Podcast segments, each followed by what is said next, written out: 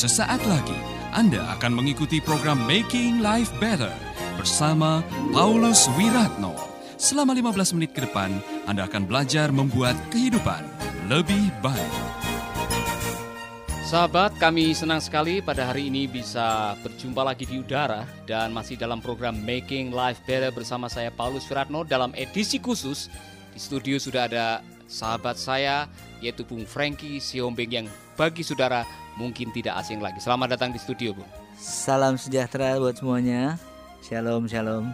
Saya pikir pendengar kita sudah lama sekali mendengarkan nyanyian-nyanyian yang Bung nyanyikan, yang Bung lantunkan, tapi mungkin tidak pernah tahu persis bagaimana kehidupan Bung setiap harinya, bagaimana berjumpa dengan Tuhan, yeah, yeah. bagaimana bisa uh, terjun full time dalam pelayanan seperti yang sekarang memberkati banyak orang. Mm -mm. Bisa ceritakan sedikit latar belakang, Bung?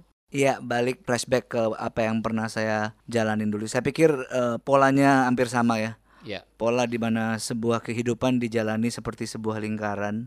Uh, balik ke situ lagi, balik ke situ lagi. Kok kayaknya monoton sekali hidup yeah, ini ya. Yeah. Ditambah lagi dengan Eh, hal-hal uh, yang secara roh membuat kita semakin tertekan yaitu dosa ya yeah. dosa yang secara uh, daging sangat nikmat sangat enak tapi ternyata sambil menjalaninya hidup ini kok terasa tambah berat ya yeah. nah sampai pada usia 18 tahun saya sampai di sebuah titik yang capek banget dengan hidup hmm. capek dengan perputaran yang itu itu terus lingkaran yang seperti itu dan apa yang uh, saya alami di gereja tidak menjawab kebutuhan yeah. karena buat saya gereja itu cuma bagian dari rutinitas agama iya. saja. Yeah. Saya nggak ketemu Tuhan yang ternyata adalah Tuhan yang hidup sampai pada sebuah event di sekolah waktu yeah. itu iya. masih SMA kelas 2 Uh, mereka bikin kebaktian yang buat saya sih udah biasa banget karena yeah, saya dari rutinitas kayak rutinitas. Iya, dari lahir udah Kristen jadi uh, kebaktian buat saya ya bagian biasa lah.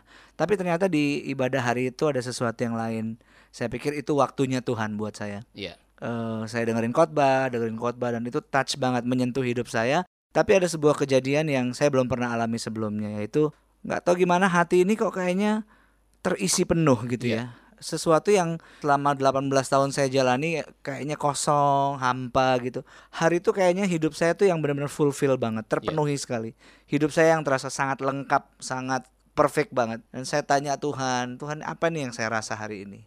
uh, jawabannya cuma that's my love for you itu cintanya saya buat kamu nah di situlah saya benar-benar menyadari bahwa kebutuhan saya yang terdalam ternyata kasihnya Tuhan itu nggak bisa tergantikan dengan apa pun juga. Nah mulai hari itu saya mulai ngerasain tuh yang namanya hidup yang diubahkan hmm. gitu ya. Ada hal-hal yang secara otomatis langsung berubah, ada hal-hal yang dalam proses diubah hari yeah. lepas hari dan ya mulai hari itu saya lebih merasa arah yang lebih jelas lah dalam kehidupan. Luar biasa. Bung Franky kembali kepada apa yang Bung sebutkan tadi bahwa peristiwa ibadah di SMA itu seperti turning point ya. mm -mm. dalam kehidupan Bung Franky. Tapi juga sebelumnya sempat ada sebuah pencarian gitu ya, ya. pencarian mengenai apa sih makna hidup ini, Betul. apa sih arti hidup ini. Dan saya tahu pendengar kita banyak yang masih muda-muda yang mungkin sedang mencari-cari sebuah makna di dalam kehidupan ini. Dan saya pikir ada semacam apa ya, sebuah transisi dalam hidup ini sampai seseorang betul-betul berjumpa dengan yang membuat kehidupan ini ya yeah, Tuhan. Yeah. Nah,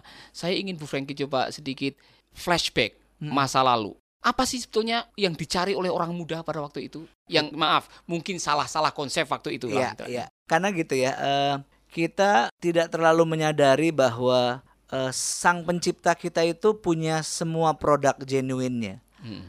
Sukacita, itu kan yang kita cari, iya. bahagia, yeah. Yeah. ya, rasa aman, uh, semua hal yang nggak bisa didapat dengan yeah. uang ya. Yeah. Itu yang kita cari. Nah, yang kita lupa bahwa ada dua pihak yang menyodorkan hal-hal tersebut. Yeah. Pihak pertama adalah Tuhan yang menciptakan kita, Betul. pihak kedua ya iblis dan rekan-rekannya yang mereka sudah menyiapkan banyak sekali. Ya, mereka ke, punya punya produk yang kelihatannya sama dalam ya. tanda kutip. Ya. Dan itu yang kita dapat waktu kita belum bertemu dengan yang menciptakan kita. Kita pikir, wah ini dia yang kita cari kan. Ya. Wah kita nikmati, tapi ya. ternyata ya. sangat temporary sekali ya, Betul. sangat sementara, sangat sebentar sekali. Ya. Sampai waktu itu ya semua orang muda lah suka mencoba sesuatu yang baru ya. Mereka suka coba ini, coba itu, coba itu yang yang memang uh, dalam waktu pendek uh, sepertinya bisa memenuhi kebutuhan kita ya. Yeah. Happynya, senengnya, tapi ternyata nggak dalam waktu yang lama. Nah waktu itu saya bertemu dengan Tuhan secara pribadi yang saya rasa adalah sesuatu yang luar biasa banget yeah. dan punya nilai punya nilai kekal ya. Yeah. punya nilai Luar kekal. Satu hal yang saya tadi dengar bahwa di dalam perjumpaan dengan Tuhan Bung Franky menemukan kasih sayang yang luar biasa mm -mm. yang selama ini dicari. Yeah. Nah, saya mendengar bahwa sebetulnya kebutuhan kasih sayang itu memang kebutuhan setiap orang. Betul. Dan keluarga harusnya memberikan kebutuhan itu atau mencukupi kebutuhan itu sehingga kita Betul. tidak akan merasa lapar atau haus akan kasih sayang. Betul. Maaf nih, bagaimana situasi masa kecil Bung Franky? Apakah itu didapatkan atau tidak? Atau ada sesuatu yang kurang pada waktu itu? Uh, sebetulnya dari sisi keluarga saya bisa dibilang keluarga kami keluarga yang baik ya, yeah. baik tapi uh, baiknya baik yang tidak berdasarkan Tuhan ya. ya dalam ya. arti kata ada loh keluarga yang tanpa Tuhan baik-baik aja ada ya. ya. ya. Tapi ternyata tetap di dalam diri kita tuh butuh sesuatu yang hanya Tuhan yang memilikinya yaitu ya. His love, kasihnya ya. Tuhan. Jadi keluarga saya sebetulnya nggak broken home. Mereka saling saling mengasihi sangat baik. Papa saya sangat setia pada istri. Tapi again kita nggak punya kasih Yesus yang ada di dalam. Yeah. Nah itu yang membuat saya tetap nyari yeah, gitu. Yeah. Karena buat saya gini, papa mama saya dalam kondisi tertentu sangat menyayangi saya, tapi dalam kondisi yang lain ya ternyata nggak terlalu menyayangi juga. Yeah. Misalnya uh, nilai di sekolah jelek, ya keluar juga marahnya gitu. Atau yeah. saya buat sebuah kesalahan, keluar juga ngamuknya yang yeah, tidak mengampuninya kelihatan. Beda dengan setelah saya hidup dalam Tuhan, saya punya anak tiga sekarang ya. Kami saling mengasihinya bukan dengan kasih manusia tapi dengan kasih Kristus yang ada di dalam kami. Jadi itulah yang membuat saya sadar bahwa kita bukan cuma butuh kasih, yeah. tapi kasih Tuhan yang yang, yang harusnya yang memenuhi kita gitu. Anda masih bersama Paulus Wiratno di Making Life Better.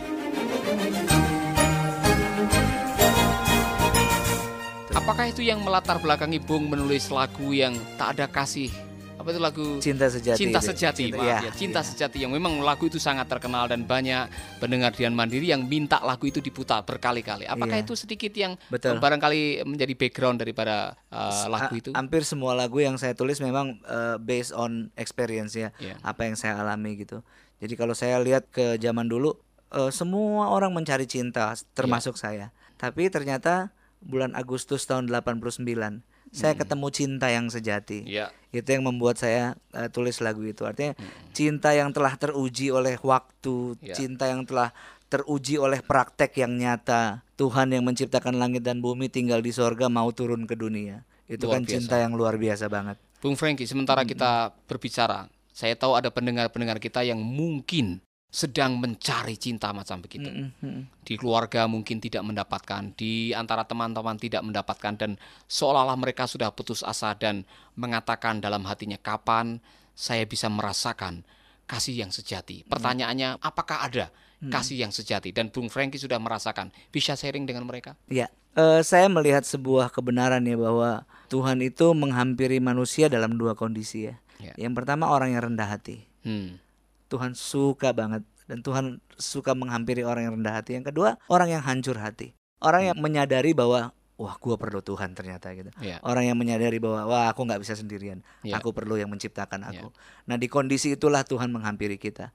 Yang luar biasanya dari Tuhan kita adalah kita nggak pernah cari dia. Hmm. Dia yang cari kita. yang Itu yang luar kita. biasa banget. Luar biasa ya. -uh. Bung Franky kembali kepada masa lalu nih. Ya pernah enggak waktu di SMP atau waktu di SD bercita-cita untuk menjadi seorang penyanyi waktu itu?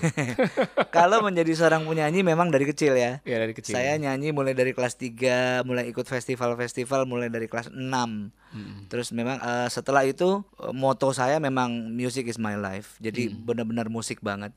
Dari kecil pikiran saya udah musik terus sampai umur 18 tahun it change, semuanya berubah.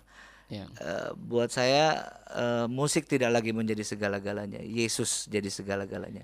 Jadi setelah itu uh, saya masih di musik, tapi musik cuma menjadi sarana saja untuk, yeah. untuk saya bisa menyampaikan sesuatu buat generasi ini gitu.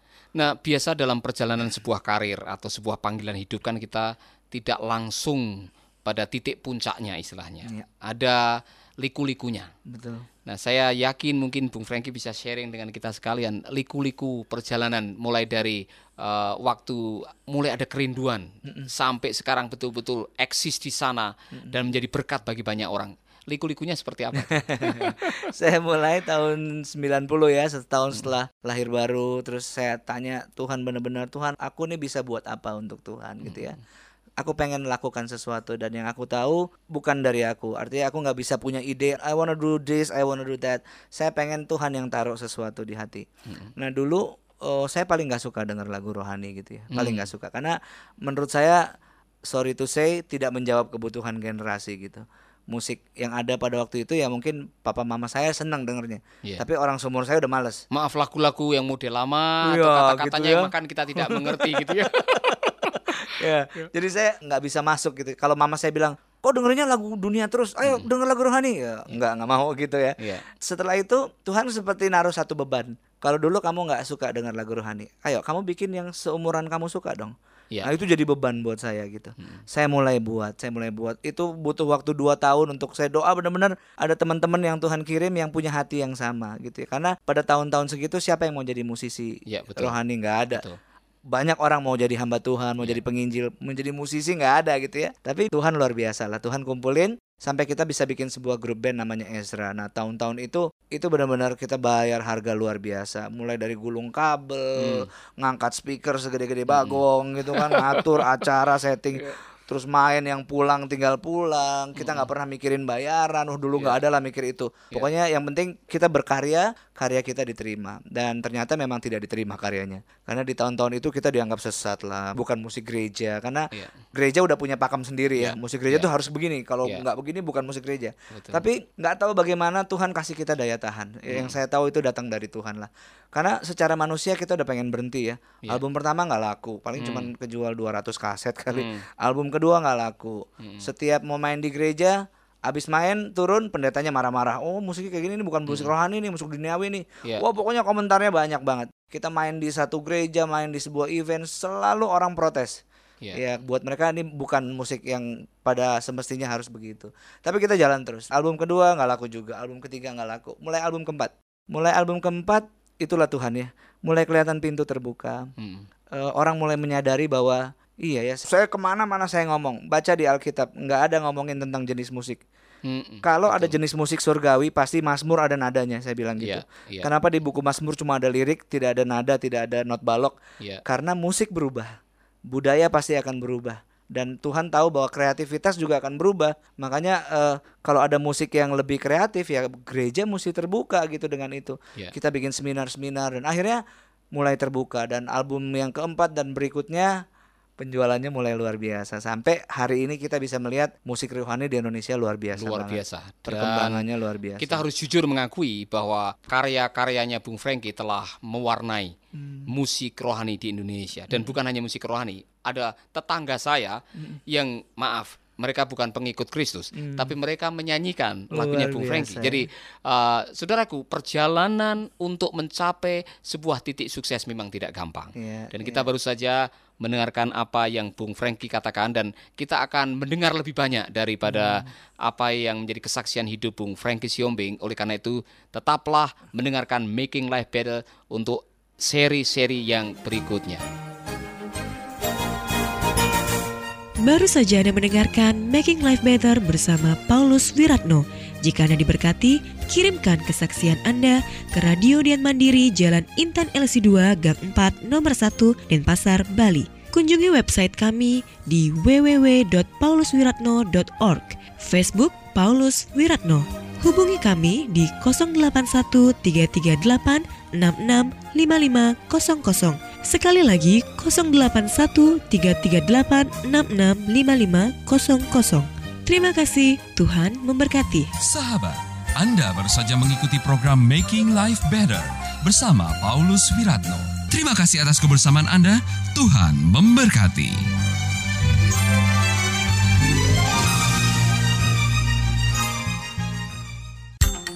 Kabar gembira bagi sahabat pecinta program Making Life Better dan Kata Bijak, mulai sekarang sahabat bisa mendengarkan program ini melalui handphone sahabat. Download sekarang juga aplikasi Making Life Better melalui Play Store atau App Store secara gratis.